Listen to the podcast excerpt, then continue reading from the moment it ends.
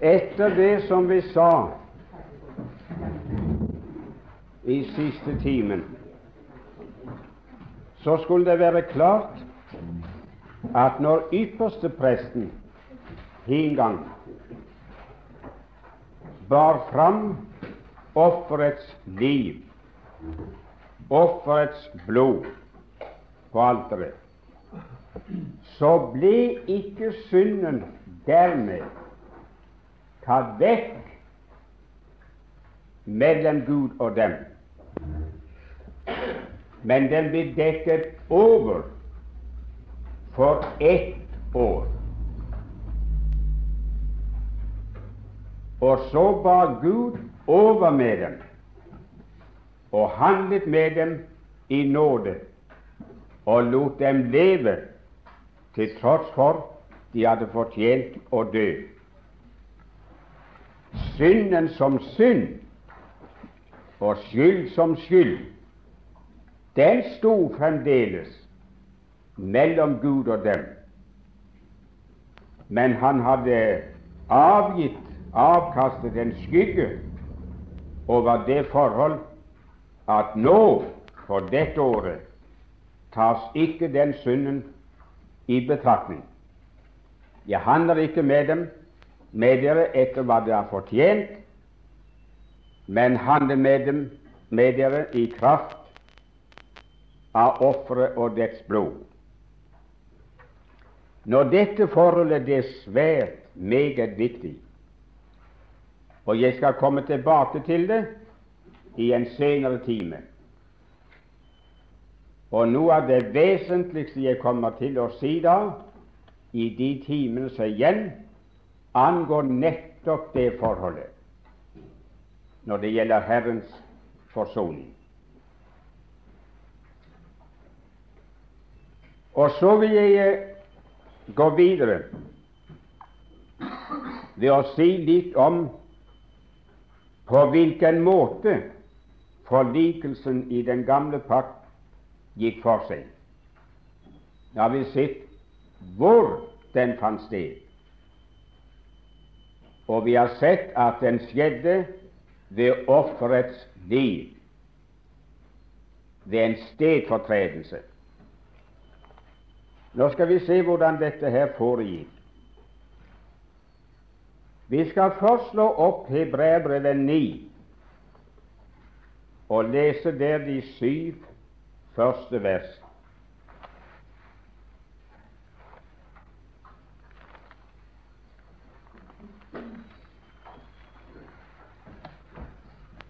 Hebreerne 9, de syv første vers.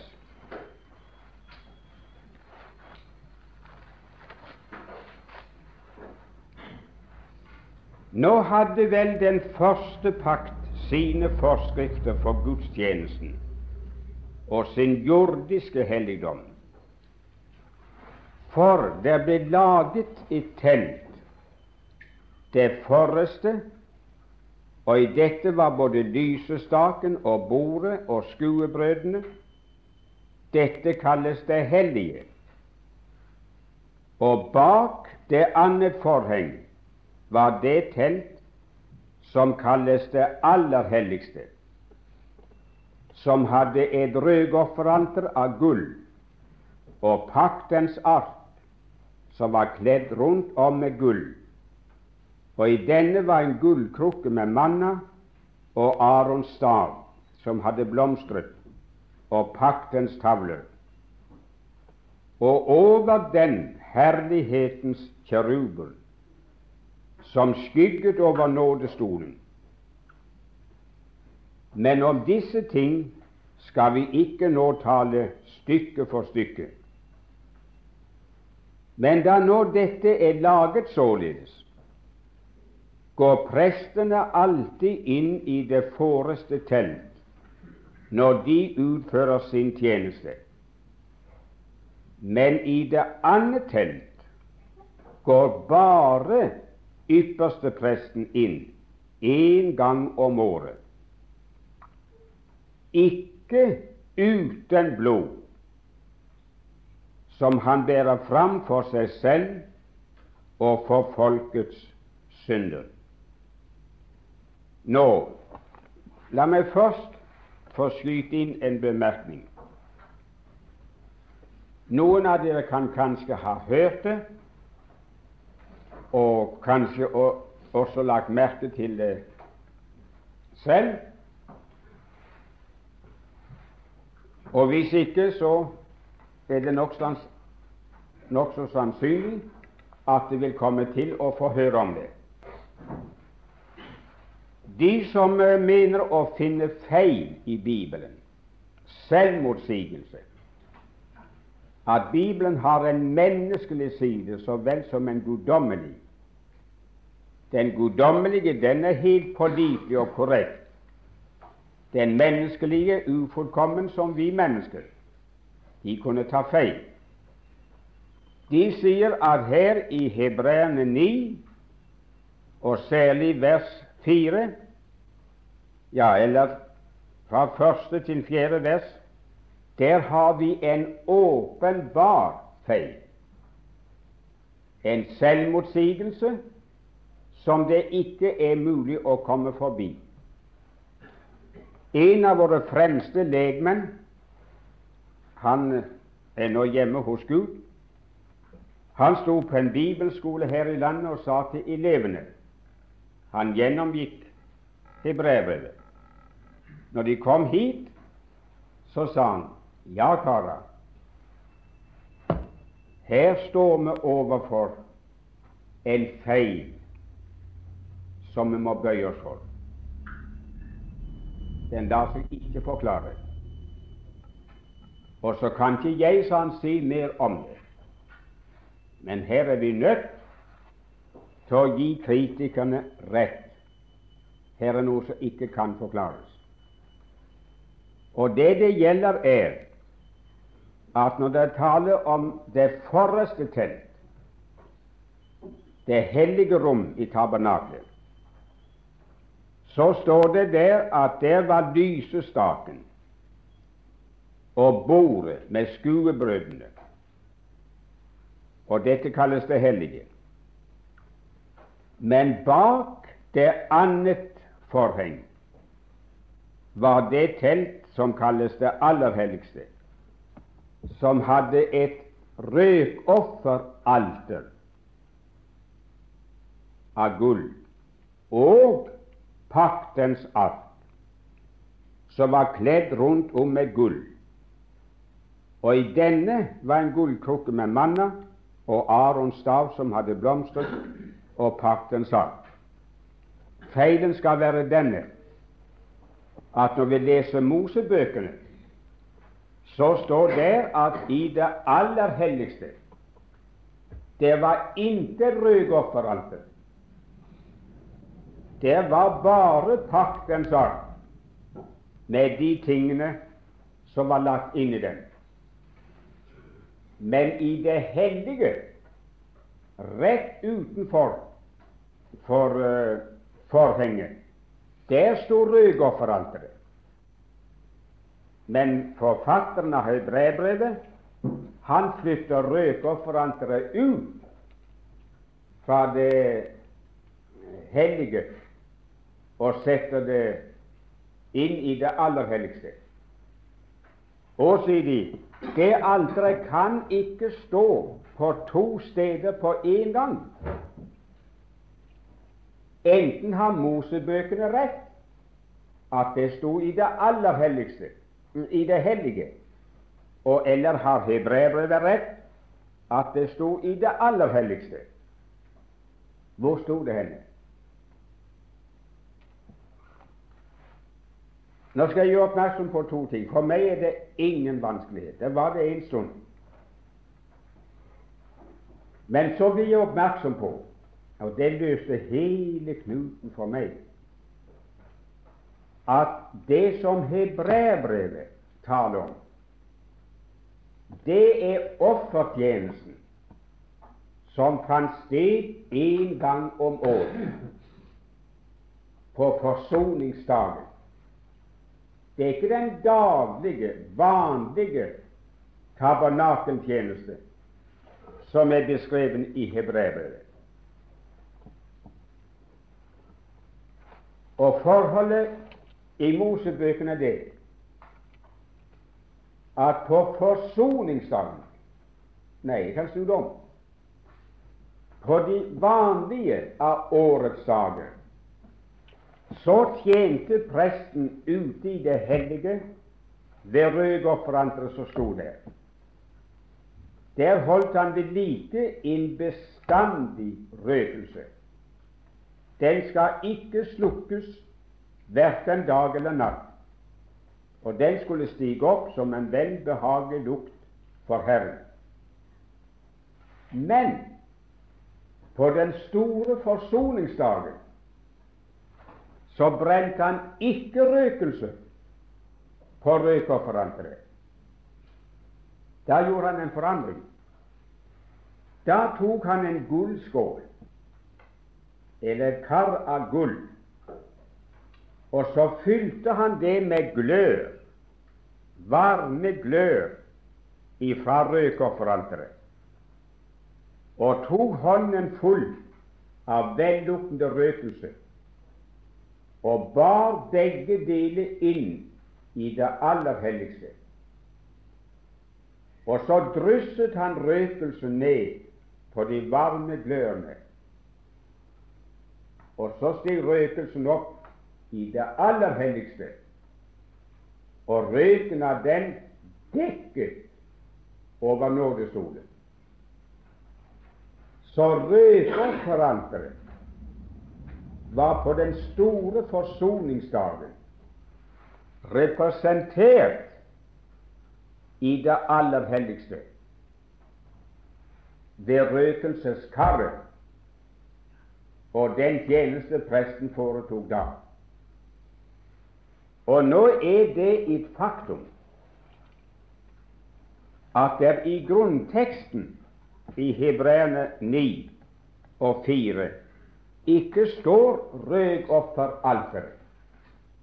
Jeg kan referere en mann som professor Odland, den største teologiske autoritet vi har hatt i landet når det gjelder gresken og forståelsen av den greske tekst. Og han sier enda at det er feil gjengitt. For det står ikke røk, røkofferalteret, men røkofferkarret. Og slik er det oversatt i den engelske bibelen. Det står ikke alter, men det censer. Så han tok røkelseskaret i det hellige og bar glørne fra alteret og røkelsen inn i det aller helligste. Hvis det hadde stått, min venn, at røkelsen brentes ved røkofferalteret på forsoningsdagen, så hadde det vært feil i Bibelen. Men det må stå som det her står. Nå bar vi oppmerksom på at det ikke står alteret, men det står røkelseskaret. Det var i det aller helligste på den store forsoningsdagen. Når det var bare noe som er skjøt inn. Men det vi har bruk for i sammenheng med timen, det er vers 6 og 7. Da dette nå er laget således, går presten ned alltid inn i det foreste telt når de utfører sin tjeneste. Men i det andre telt, det aller helligste, går bare ypperste presten inn én så det står en liten strek, en apostrof, over en.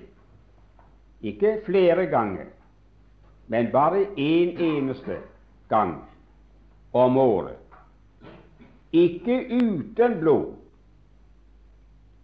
som han bærer frem for seg selv og for folkets forseelse. Så går vi til tredje Mosebok, det 16. kapittel leser først det andre vers Og Herren sa til Moses, tal til Aron din bror og si at han ikke til enhver tid må gå inn i helligdommen innenfor forhenget, frem til nådestolen som er over arken, for at han ikke skal dø. For jeg vil åpenbare meg i skyen over nådestolen. Og så står det i samme kapittel, i vers 33 og 34 Og han, når han går inn den ene gangen, og han skal gjøre soning for det aller helligste, og gjøre soning for sammenkomstens telt og for alteret, og gjøre soning for prestene og for hele det samlede folk. Og dette skal være en evig lov for eder, at det gjøres soning for Israels barn til renselse for alle deres synder én gang om året. Og Aron gjorde som Herren hadde befalt Moses. Det syns jeg er så klart og så tydelig at det er unødvendig å ofre mer tid på det. Han skulle ikke gå inn hver dag, men bare én gang om året. Kom han inn noen annen dag, så vil han falle død om. Det har Gud uten tvil hatt sin bestemte mening med. Om jeg kan komme inn på det litt senere, det er jeg ikke ganske klar over. Nå kan jeg iallfall ikke ta tid til det.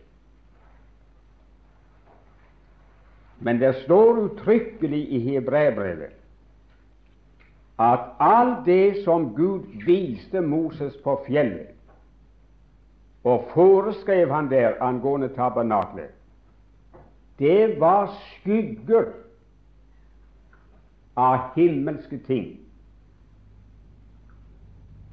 Så det er noe av himmelsk og åndelig karakter som svarer til alt som Gud viste Moses på fjellet.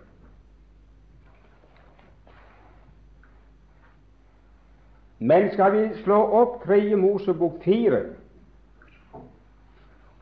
og lese det andre til og med fjerde vers.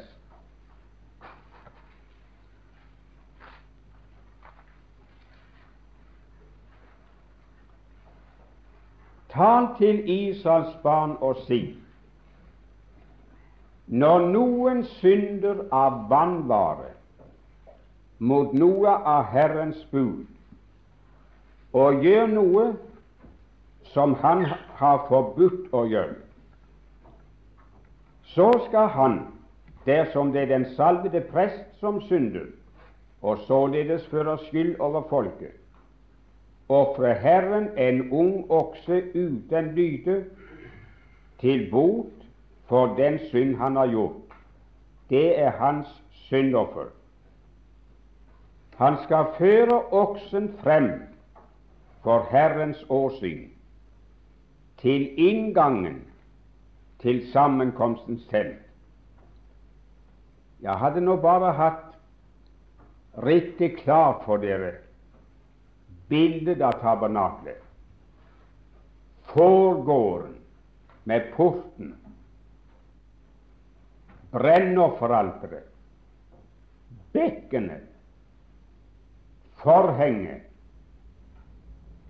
Nei, det hellige og forhenget og det som var der inne, så det vært så meget lettere å få dette klart. Men jeg kan ikke gå inn på det. Han skal føre oksen fram for Herrens åsyn til inngangen til sammenkomstens telt. Og han skal legge sin hånd på oksens hode, og han skal slakte oksen for Herrens åsyn. Og vi leser i eh, det 13. til 14. vers.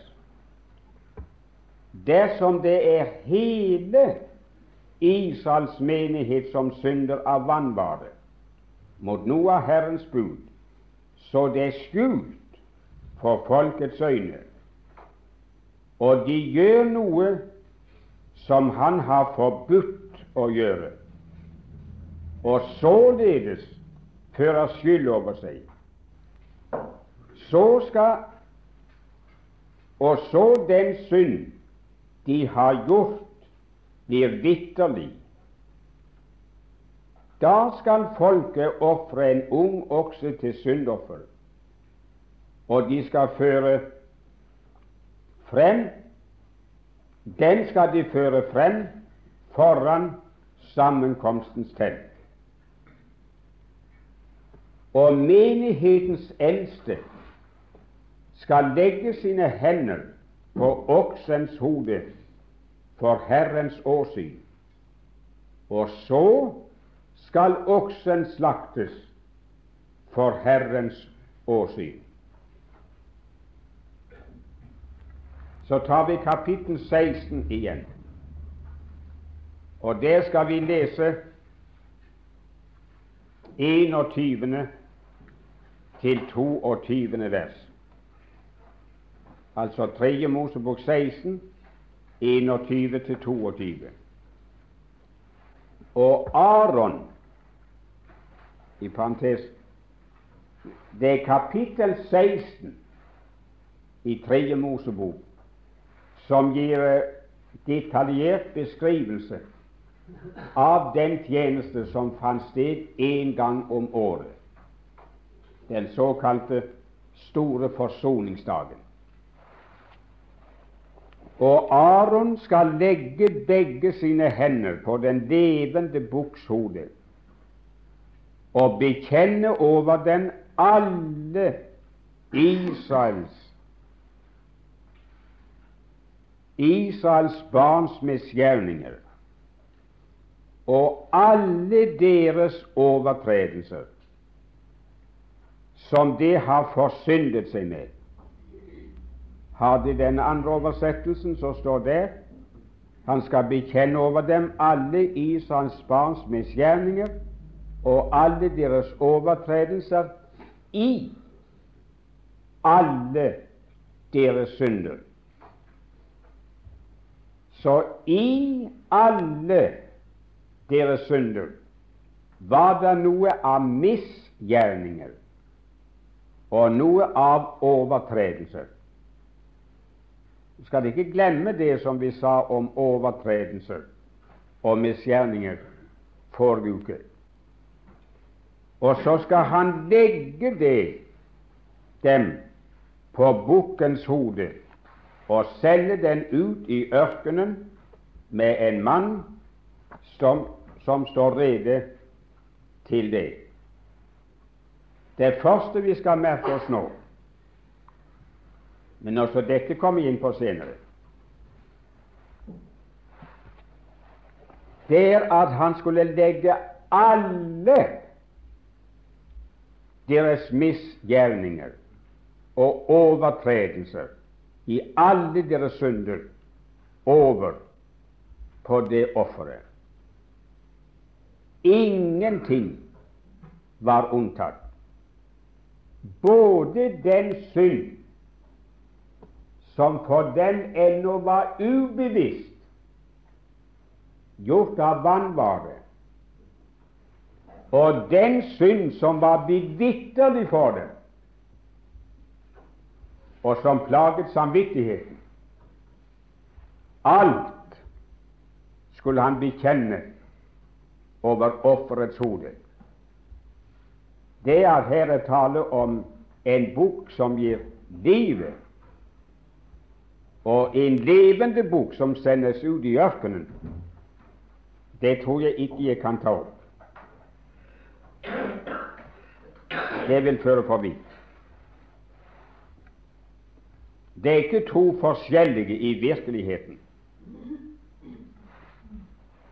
Det er bare en dobbel avskygning av det som fant sted ved Kristi offer. Og det som en gang skal bli bokstavelig sånn for Israels vedkommende.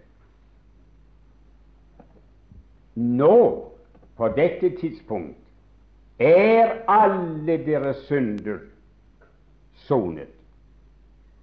Men de vet det ikke. Som folk har Israel ennå aldri uttalt Isaias 53. Vi uttaler det. Og så han er såret for våre overtredelser, knust for våre misgjerninger. Det har vi rett til.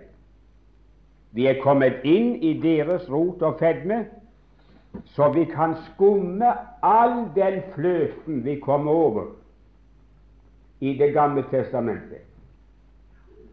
Det hører oss til. Men venner, det kommer en dag når han kommer synlig tilbake, og hans føtter står på Oljeberget, og de ser ham som de har gjennomstunget, og har grått sårt, hvert hus for seg, over sine synder. Da skal de uttale Sajas 53. Sannelig, våre synder har han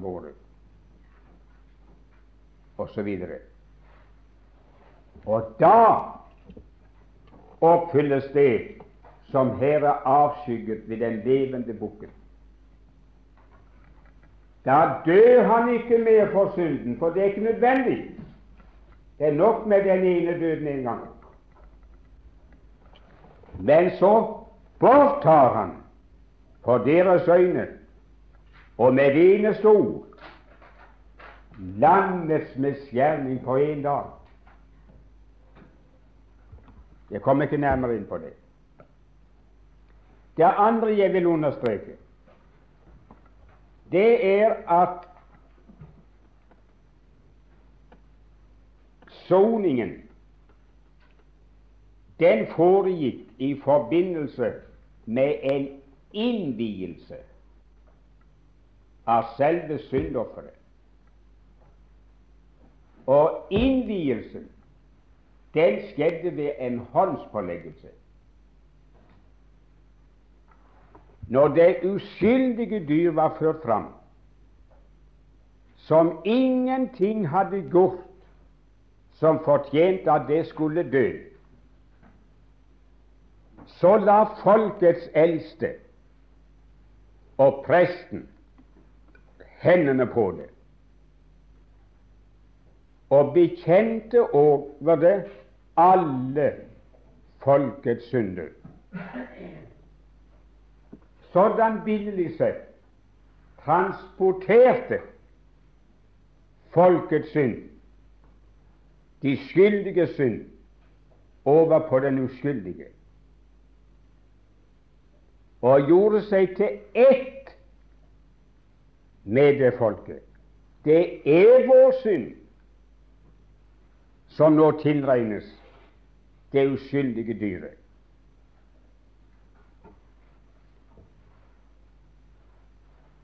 Under den handlingen, under den innvielsen,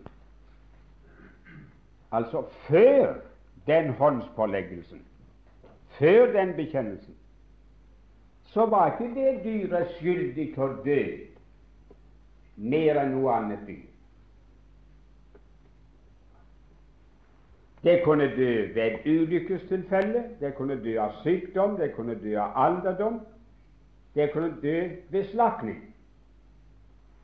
Men nå, min venn, etter at hendene er lagt på det, og den bekjennelsen har funnet sted, kan det aldri mer dø ved en ulykke.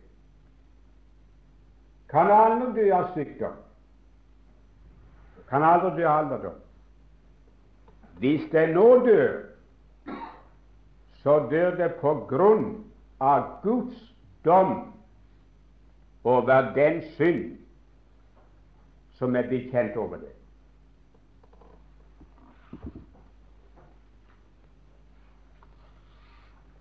Kan hende jeg kan skyte inn her.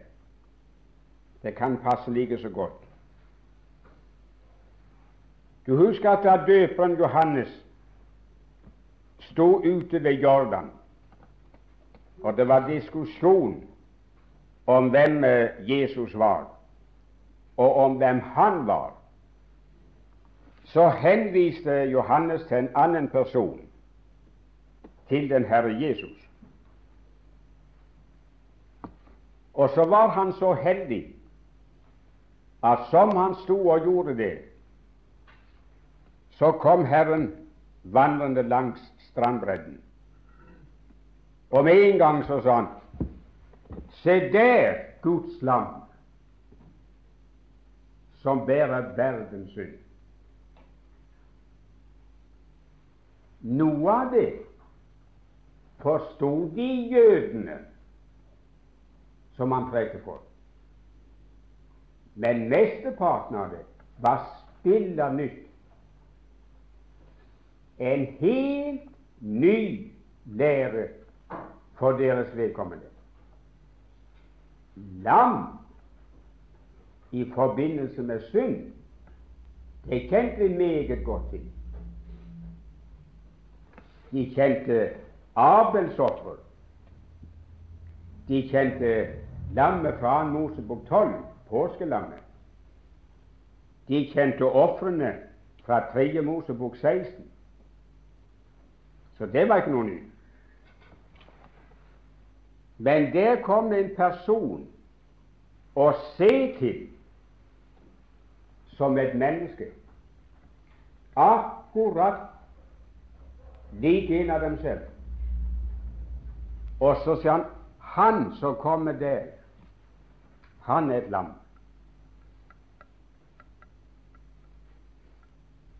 Ikke på fire ben, men på to.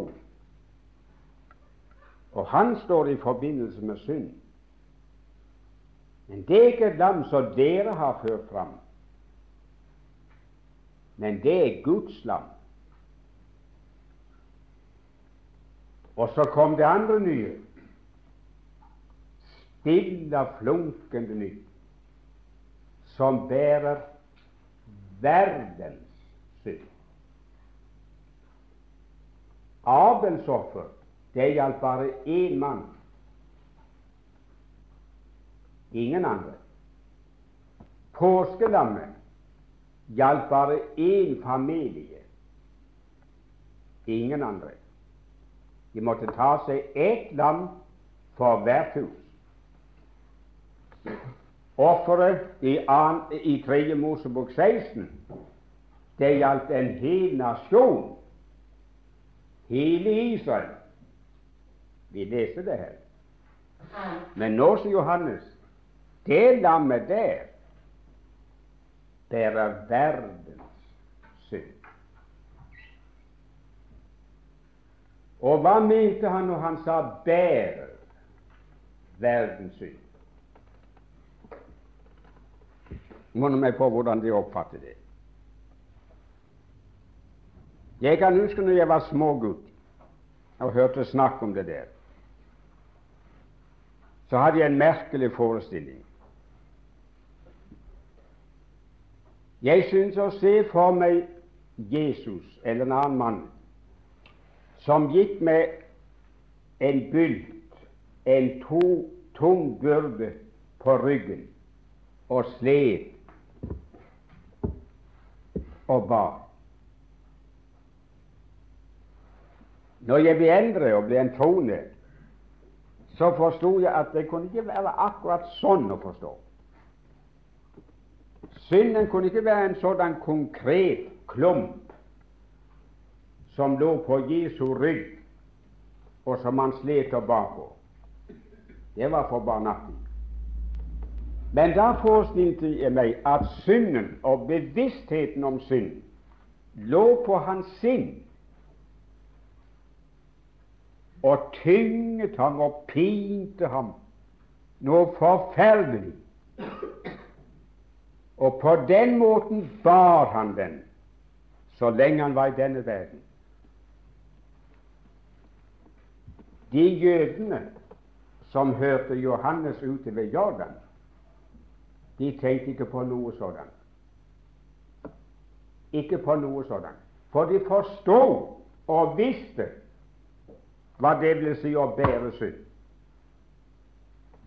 Og skulle de ha sagt noe, så ville de sagt til Johannes Vel, Johannes, du vil altså fortelle oss at han der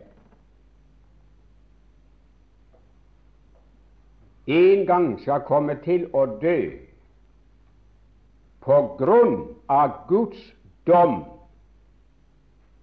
over verdens synd. Når et offer bar synden i den gamle pakt, så betød det at det ga sitt liv under Guds dom. Og Johannes har sagt det er akkurat det jeg vil si. Den mannen vil dere andre få se dø av sykdom, av alderdom, ved et ulykkestilfelle. Men de skal en gang få se ham dø. Men da dør han ikke det alminnelige menneskets død. De skal få se ham dø under Guds dom. Og det fikk de se. Han bar. Han døde for ikke én mann, ikke én familie, ikke bare én nasjon i verden, Israel, men for verdens synd, også for min.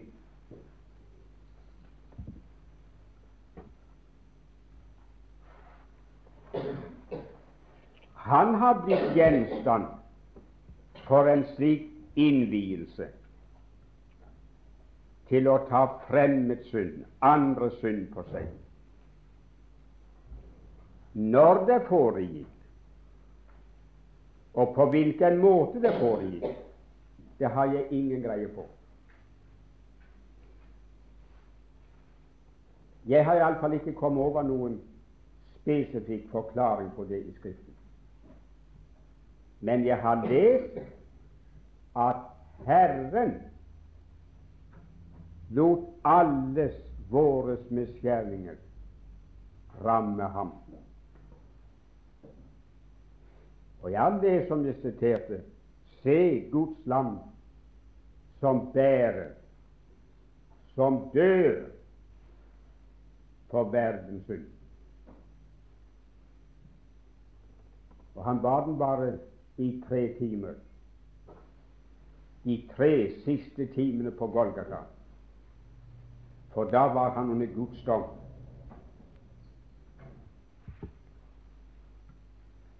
Og Peter sier han bar våre synder og på treet.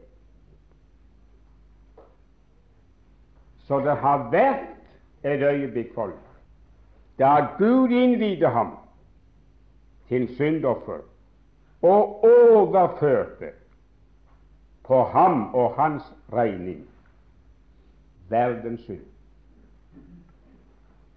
Ved den innvielseshandlingen i Israel så skjedde det at folket, de skyldige, byttet stilling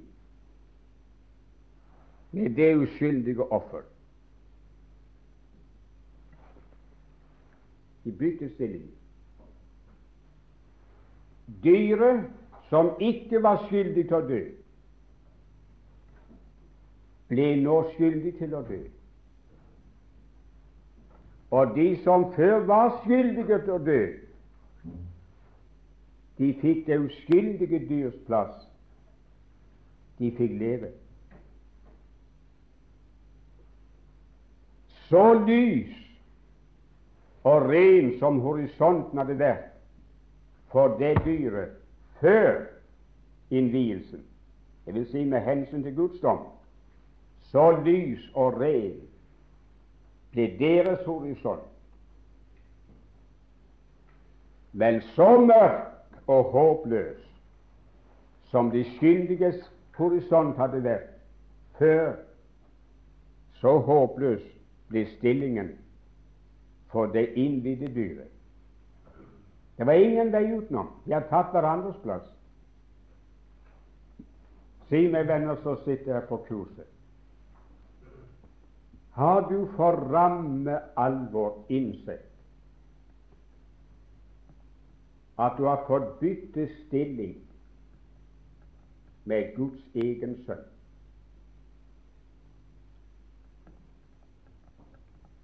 At han en gang ble gjort til å være deg og ta din plass overfor Gud i denne verden som en straffskyldig synder.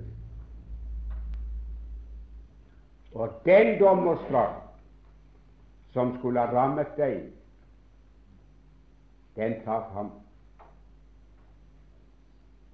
Og har du sett, min venn, at i kraft av det verk er din stilling som en troende som har tatt imot den frelse, så er din stilling like ren, like skyfri, like fri fra all dom og forbannelse som den enbårne Guds sønns stilling. Ren og rettferd. Himmelen verdig. Neimen, snille folk, det må da være måte på. Ja, det er vel han, det. Ja, ja Men det står ikke så i sangen. Men ren og rettferdig, himmelen verdig, er jeg. Kjære folk.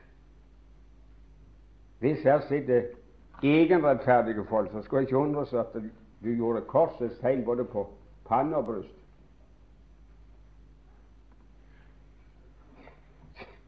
Snakk om at du er himmelen verdig.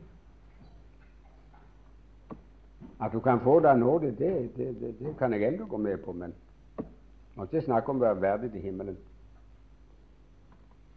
For tro hva du vil med men jeg er det. Jeg skal ikke bli det, men jeg er det. Ikke den fysaken som står her. Nei, nei men det er jeg i verdens frelsere nå. Ordet forkynner at mine synder, de kommes slett aldri mer i hu. Og jeg er frelst og salig fordi Sønnen har gjort meg virkelig fri. Amen. Halleluja. Slik synger vi. Men hvor mange er det av våre kristenfolk som tror det, og som hviler i det? De er få. En og annen dag så synes å se det, og en og annen dag så Kritler de de gjør. Det velsigner jeg frelst jeg hører Jesus. Og en annen dag så er de nede i kjelleren. Så vet de ikke om de noensinne har vært frelst. For de er opptatt med sin person, og de var, hva de er i seg selv, men aldri funnet seg igjen overfor Gud i en annen mann. De forstår ikke og har byttet stilling med Guds egen sønn. Han har tatt din plass, og du har fått hans plass. Ja, ja, der får vi stoppe.